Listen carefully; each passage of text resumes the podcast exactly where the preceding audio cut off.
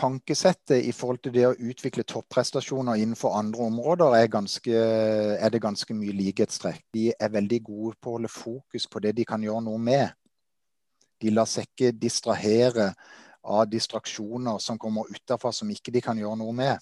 I dag så uh, har vi med oss uh, Espen Tønnesen, som er professor i treningsvitenskap ved Høgskolen Kristiania. Og mitt navn er Arne Krumsvik.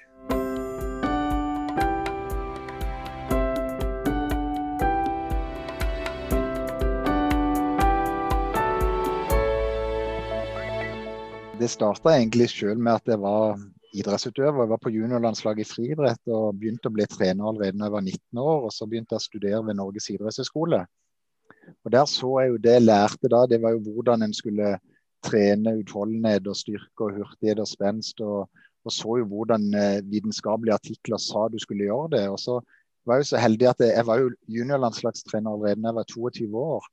Så jeg fikk lov til å reise med seniorlandslaget og oppleve hvordan de beste norske, svenske, cubanske, britiske utøverne trente. Jeg så jo det var store avvik mellom det jeg lærte på Norges idrettshøyskole og det som ble gjort i den praktiske verden. Så første tanken var jo tenk hvis de visste det jeg vet og det jeg lærer på Norges idrettshøyskole. Men så skjønte jeg jo etter hvert at det, her er det jo forskning som er på middels trente folk. Det er tre til fem økter i uka. Mens disse verdens beste utøverne hadde jo 24 timer i døgnet og skulle utvikle seg over ti år. Så det var en helt annen type approach. Og da tenkte jeg at denne forskninga som foreligger i dag, det er ikke til noe hjelp egentlig for beste praksisfeltet. Så det å få en mer praksisnær forskning, og da faktisk eh, gjøre mindre kan du si, renommerte forskningsmetoder, ikke gjøre typiske RCT-studier, men gjøre mer deskriptive studier av, av verdens beste praksis, tenkte jeg må være veien eh, å gå. Så da begynte tror tok jeg doktorgraden for hvorfor ble de beste best. og Siden så har jeg studert 100 eh, av verdens mest meritterte idrettsutøvere fra Norge, som er som, som både kvalitativt og kvantitativt. Så, og det, og det, det jeg tenkte da, det er jo hvis antall caser blir stort nok, så vet vi faktisk at har de blitt olympiske mestere innenfor et område, og du har ganske stort utvalg av populasjon, ja, da er det ganske god råd å følge. Eh, og jeg vet jo nødvendigvis at ikke dette er hogd i stein hvordan du skal gjøre det, men det gir i hvert fall en retning, og det gir mange gode refleksjoner på viktige, sentrale ting du må tenke over når du skal utvikle det til en verdensener. Hva er det som er hemmeligheten, da? Hvordan blir det beste best? Mye går jo på trening, men det går også på andre forhold. Gjennom all den forskninga har jeg kommet fram til ti punkter. Ti punkter som kjennetegner det. Og det første punktet, det er den derre indre motivasjonen. Du ser det, psykolog, De psykologene som jobber på, på Olympiatoppen, de sa disse utøverne er jo ikke bare motiverte, de er jo så inn granskauen motiverte. Det er jo det er en sånn innbo, iboende indre motivasjon som er helt unik. Så for de fleste trenerne så er det jo å holde igjen disse utøverne. Og så har de jo noen ekstremt tydelige mål. Tydelige, hårete mål eh, som driver de. Eh, det er ikke tvil om hvilken retning de skal. Og, og, og, det vet vi jo bare vi skulle løfte benkpress. Hvis ikke vi visste hva som var på stanga, så hadde det ikke vært så interessant å løfte den vekta. Og sånn er det med en sånn en prosess, det å utvikle verdensscener. De må ha noen hårete mål. Ehm, og mange snakker jo da om at eh, disse utøverne da er så mestringsorienterte og lite resultatorienterte. I sluttenden så er de ekstremt resultatorienterte. Men de er mestringsorienterte på veien. Nettopp hvis ikke de gjør det, så når de ikke målet sitt. Men det er jo bare å se når idrettsutøvere går inn til en fjerdeplass, så har jeg aldri sett at de står og jubler. De står og jubler når de vinner. Og det viser hvor ekstremt viktig dette målet er for dem. Selv om noen har litt ulike retninger for det. Og så har jeg tenkt mye på det. Ja, hva er det som gjør at egentlig den der indre motivasjonen er så viktig? Ja, eh, ofte så, Når jeg har gjort da disse treningsanalysene av de, så er det jo faktisk de som trener mest i verden også. Altså skal du bli best, så må du trene mest. Og, og skal du trene så mye som de gjør, og opp i 30 timer i uka, så, så, må du bare være ekstremt motivert. Hvis du skal gjøre det hver eneste dag. Altså, vi ser jo vi har disse koronaperiodene nå, og vi slo ned samfunnet 12. mars, 11. mars i år. Og de første 8-12 ukene gikk greit. Vi var litt det jeg kaller i den der romantiske fasen. Vi alt går. Men det, det er nå når det virkelig begynner å vare over måneder og nesten år, det er da virkelig det sier hvem vi er og hvordan vi greier å stå i det. Og disse verdens beste utøverne, da, de bare durer på hver eneste dag og trener på. Og Jeg husker eh, snakka med Anders Gjerderud, som er olympisk mester på 3000 hinder fra 1976, og spurte ja, hva var grunnlaget for din suksess. Så sa han det er følgende matematisk stykke. Det er to ganger syv ganger 52 ganger ti. Ja, hva står det for? Det er to økter, syv dager i uka, 52 uker i året i ti år. Og, og det, det, den, det, er en veldig lett formel. Det er fryktelig vanskelig å følge opp i praksis. Og det er der du ser de beste. De greier å skape den kontinuiteten eh, hele veien. Så det, det, er i hvert fall noen av de der tingene som, eh, som kjennetegner de. De er ekstremt uh, gode til å finne også ut referansen på hva som er verdens beste trening. Så jeg husker jo Vegard Ulvang fortalte jo da hvordan han fant ut hva verdens beste trening. Det var når han leste treningsdagboka til Oddvar Brå. Så De er på søken etter å finne hvor ligger verdens beste praksis eh, hvor er det lista ligger. og Jeg kan i hvert fall ikke gjøre det noe dårligere. Jeg kan ikke bare kopiere det de andre har gjort før. Jeg må gjøre det faktisk bedre. Og det tror jeg, det ser du på den der leitinga som de beste utøverne. De er hele tida på leiting etter å gjøre det bedre. Og da ligger den der iboende eh, autonomien og eierskapet hos de veldig sterkt. Eh, andre blir trent til å trene, men de trener sjøl for å utvikle seg. Så de tar mye større eierskap i det. Og det er jo sånn med oss forskere òg. Idet vi tar doktorgraden, så blir vi veileda veldig klart og tydelig, men etter hvert må vi stå på egne bein. Og da blir det jo enda mer interessant. Og Da får vi kanskje ut det beste av oss, men vi må innom en sånn læringsfase. Men den læringsfasen er da i ungdomsårene og julealder. Så går de inn og har en mye større grad av autonomi, hvor trenerne fungerer mer som en mentor eller veileder og kvalitetssikrer. Samtalepartner.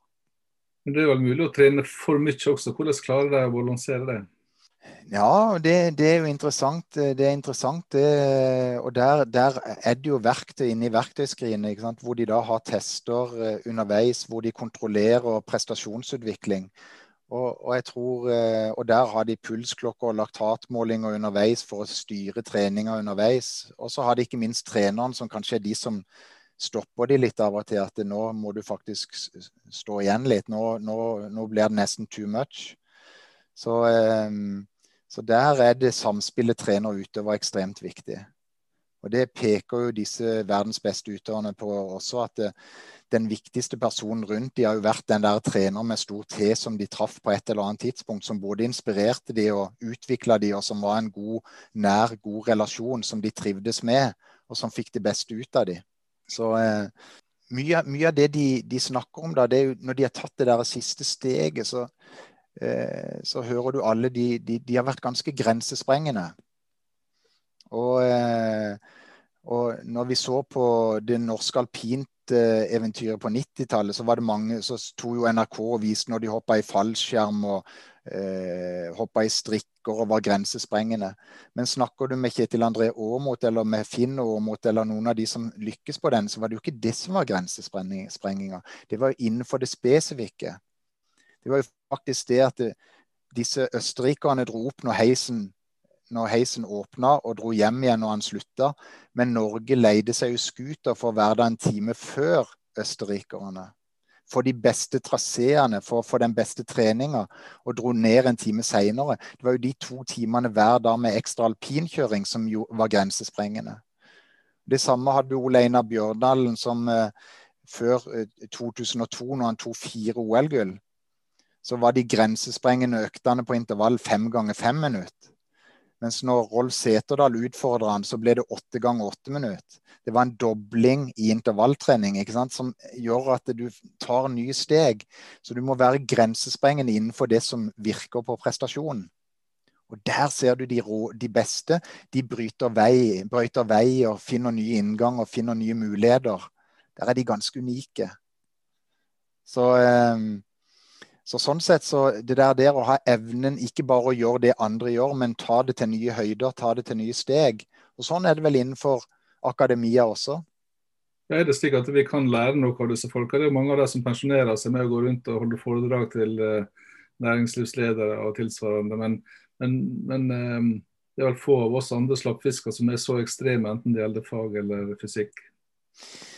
Ja, jeg tror Når det gjelder trening, så tror jeg ikke det er så mye å lære. Men jeg tror tankesettet i forhold til det å utvikle topprestasjoner innenfor andre områder, er, ganske, er det ganske mye likhetstrekk. Og det er jo bare å si det som å være leder eller være forsker eller være Så har du jo disse verdens beste utøverne som kommer frem i forskning òg. Det er jo at de er veldig gode på å holde fokus på det de kan gjøre noe med.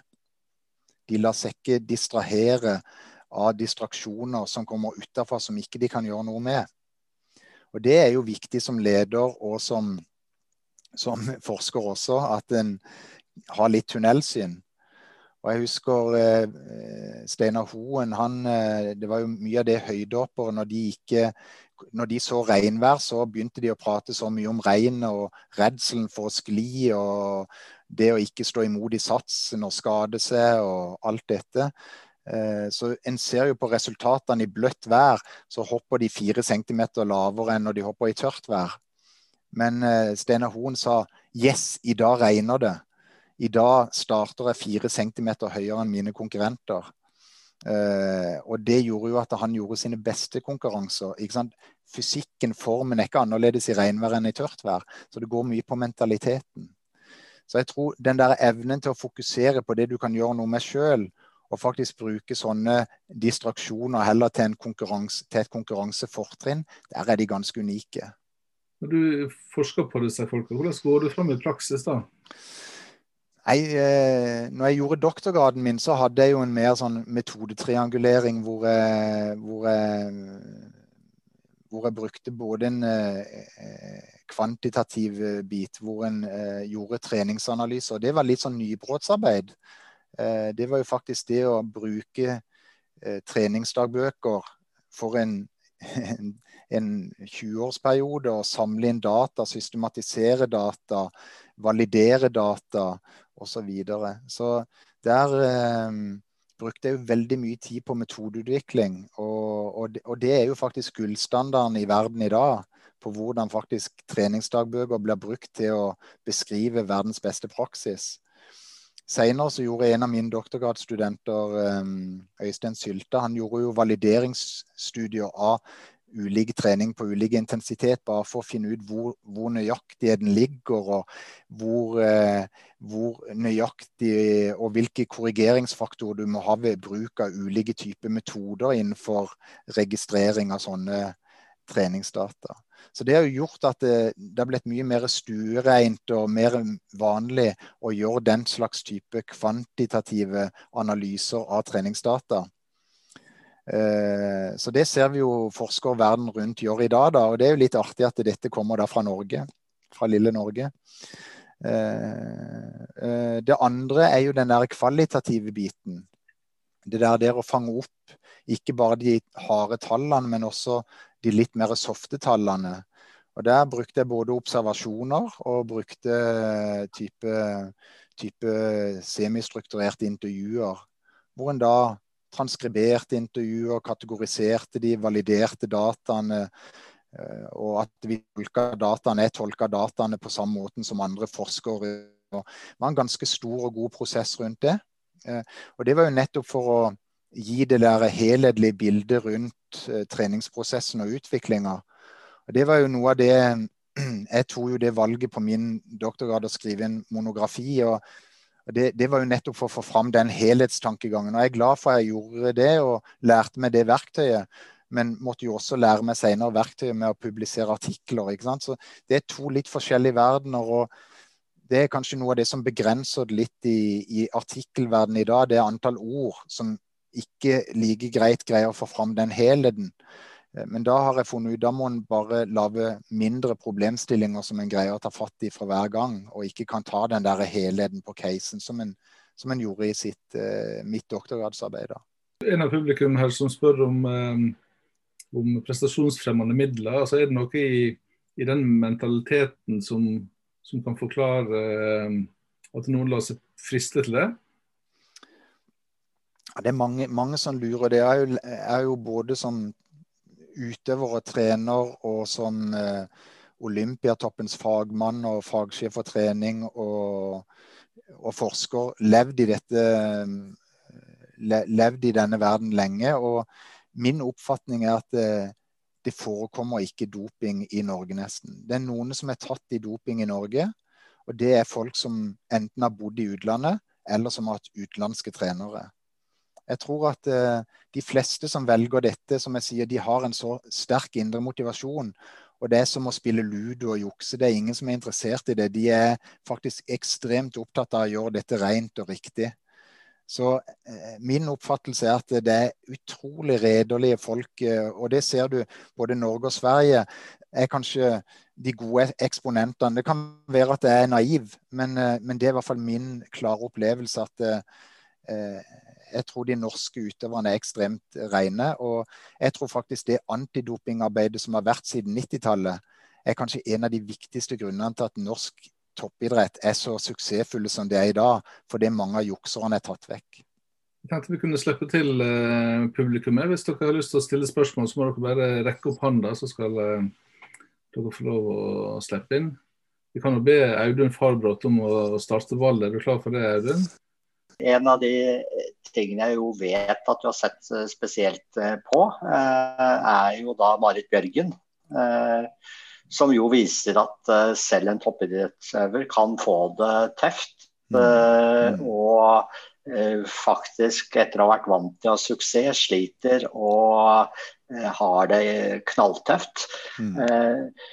Og så må jeg jo si at jeg er jo imponert å høre den historien om hvordan hun klarte å mobilisere til SDU-operasjon. Mm. Eh, så jeg kunne tenke meg å høre du fortalte litt om hvordan hun klarte Hva var det som fikk henne til å mobilisere den der ekstreme eh, viljen til å snu eh, dette? Mm. Og det, det, det, det, er jo interessant, bare det med Marit Bjørgen. Det er jo eh, en av mine doktorgradsstudenter som er biveileder for, og, og hvor hovedveileder Øyvind Sandbakk fra NTNU. Vi samarbeider om dette prosjektet, og det er Guro Strøm Solli som har stått for denne eh, forskninga. Og, og, og, eh, hun tar doktorgraden på Marit Bjørgen, da. og det er jo basert mye på disse metodene, da. Og en av de studiene var faktisk det der, det er hvordan, hvordan få en ikke-fungerende utøvere til å bli verdens mest meritterte langrennsløper. Og Marit hadde jo en historie hvor hun presterte veldig godt i 2004-2005-2006. Og så begynte nedturen mer eh, etter hvert, og i 2009 så var hun egentlig på vei nesten til å slutte. Kroppen tålte ingenting. Hun ble syk, hun underpresterte. Hun var ikke i særlig godt humør. Hun sleit med samtaler, hun sleit med samspillet med media. Hun hadde utfordringer. Eh, hun hadde det rett og slett ikke så bra. Så da ble hun og treneren Egil Kristiansen enige om at nå må det skje en snuoperasjon. Og da fra 2009 til 2010 så skjedde det noe helt unikt. Eh, hun gikk fra å være en underpresterende utøver den mest meritterte langrennsløperen i 2010. Så da begynte jo eh, en å ta fatt i den eh, snuoperasjonen der. Og eh, Guro analyserte da treningsdataene, hva som skilte seg fra 2009 til 2010-sesongen, og intervjua henne på hva som hadde foregått i denne perioden. Og det var vel en fem-seks store grep hun gjorde. Det viktigste grepet var kanskje at før så hadde hun fått en treningsplan. Og så utførte hun den VM-planen eller OL-planen som treneren lagt. Nå tok hun mye større ansvar sjøl i utviklingsprosessen. Både hvordan treninga skulle tilrettelegges, lytta på kroppen, justerte treninga og gjorde det. Um, og det som viste seg i treninga da, det var jo at det, det er jo ofte at en tror at skal du bli bedre til noe, så må du gjøre mer intensiv trening. Du må ta mer Møllers tran. Hun tok mindre Møllers tran. Ned intensiteten. Hun trente med mer, ga hver økt mer rom, sånn at hun var restituert og klar til å gjøre neste intensive økt. Hun gjorde mer trening på lav intensitet. Hun gikk fra blokkperiodisering til tradisjonell periodisering, som gjorde at hun fikk større avstand mellom de harde øktene. Så rent sånn treningsmessig så gjorde hun en del grep. Men like viktig var dette med eierskapet. Det var like viktig at hun fikk medisinsk oppfølging. Hun hadde hatt lunger som fungerte dårligere og dårligere, og fikk medisinsk oppfølging for å få lungene til å fungere. Hun fikk eh, hjelp av en idrettspsykolog til å få greie å endre på selvbildet, endre på den indre dialogen til å bli mer positiv. Eh, hun gjorde noe med ernæringa i forhold til å få mer eh, prestasjonsretta kosthold enn det hun hadde hatt tidligere. Så det viste at det var en sånn multitilnærming som måtte til for å snu dette. Så det er ikke lett å peke bare på én faktor. Eh, men den faktoren som gjorde at en hadde kontroll underveis her, det var akkurat den testinga. Hun innleda et nært samarbeid med Eh, han som er fysiolog og labansvarlig på Olympiatoppen, Erlend Ham, hvor de da er fjerde til sjette uke testa for å se at hun var på vei tilbake på riktig spor, og justerte treninga hvis ikke det gikk så mye fremover som en håpte. Så eh, jeg syns den studien som eh, Guro skrev der, var ganske unik. Og jeg tror har gitt mye refleksjon til både trenere og utøvere for hva de må tenke på når de skal gå fra en ikke-fungerende situasjon til en veldig godt fungerende situasjon. Så har Jens Balland et spørsmål. Vær så god, Jens. Ja, takk. Dette var interessant. Eh, jeg er både dekan, jeg er medieforsker og jeg har vært sportsjournalist. Så jeg her var det veldig mye jeg gjerne kunne med deg om. Eh, interessant var det om prestasjoner, prestasjonsoverføring og motivasjon og det og det. Men så ble jeg litt opphengt i noe av det siste du var så vidt innom, dette med musikken og det norske synet. og Du, du mm. snakka av nordmenn som det hørtes jo helt naivt ut at ikke det jukses her. Men mm. la nå den være. Men jeg tenkte å mm. utfordre deg litt på etikken litt sånn i gråsonene. Der, vi, der er det norske tenkesettet. ikke sant? Høydehus, ja det er greit, for det har ikke de andre råd til eh, fluorsmøring og mystiske smøringspreparater og litt, litt sånne ting. Der man eh, har store fordeler av å ha masse ressurser som kanskje andre nasjoner ikke har på de idrettsgrenene. Mm. Eller det hoppdresser som tøyes eh, helt ut i det mm. merkeligste når, når, det gjelder spesifikasjoner. Så mm. kunne du snakke litt om disse eh, norske holdningene og de etikken i disse gråsonene, hvor vi syns det er veldig greit å prøve å tøye grensen i vår fordel? Ja, det, dette, ikke noe, dette, dette, blir jo egentlig mer synsing fra min side i forhold til at det har vært i idrettsmiljøet mye, og ikke noe forskningsbasert. Men min opplevelse er jo det stikk motsatte av din. Uh, når jeg er i det miljøet, så føler jeg ikke de tøyer grensene. Uh, jeg føler vel kanskje at av og til så er det kanskje, hvis du ser i hopp, så tror jeg mer, tror jeg mer selve regelverket er for utydelig. Så jeg tror kanskje det ligger mye, mye på selve idretten sjøl, at de burde vært tydelige på hva som var lov og ikke lov. Og det at du har et sånn et særnorsk eh, forbud mot eh, høydetrening i høydehus, det er jo kun Norge som har det. Så vi har jo strukket strikken lengre der. Eh, F.eks. dette med helse og etikk i forhold til dette innenfor utholdenhetsidrettene, så er det jo ofte sånn at hvis du er lettere og sånn, så er det mange som mener du presterer bedre. I Norge så var vi første land i verden som innførte et helsesertifikat. Nettopp det at det er folk som er undervektige, folk som ikke eh, er riktig ernært, folk som har utfordringer med skjelettet, folk som har utfordringer med lungene, de, de, de får startnekt og samlingsnekt. Nettopp fordi helse går foran prestasjon. Så jeg føler jo at det egentlig en prøver å dytte utøverne i den motsatte retninga. Det vil du se de drar mye lengre i andre land. Ehm, når en nå har fått dette fluorforbudet, så er det ingen land i verden som er mer positiv til det enn i Norge. Eh, de er veldig positive til det. Men det må jo være sånn at reglene er like for alle. Eh, eh, og så lenge de er det, så endrer jo dette konkurranseforholdet til det. Og han som var smøringssjef før, Knut Nystad, han sa jo det, det var jo en gledens dag at egentlig fluorforbudet kom. Og han ser jo på dette, dette gir oss bare et nytt konkurransefortrinn. Hvordan skal vi få det til uten fluor? Så jeg opplever at eh, i norsk uh, idrett så er det en god kultur og en god etisk standard i forhold til hvordan få til gode resultater. Så jeg tror ofte at eh, egentlig de historiene og Hadde du vært på innsida og sett det, så hadde du hatt et annet forhold til det.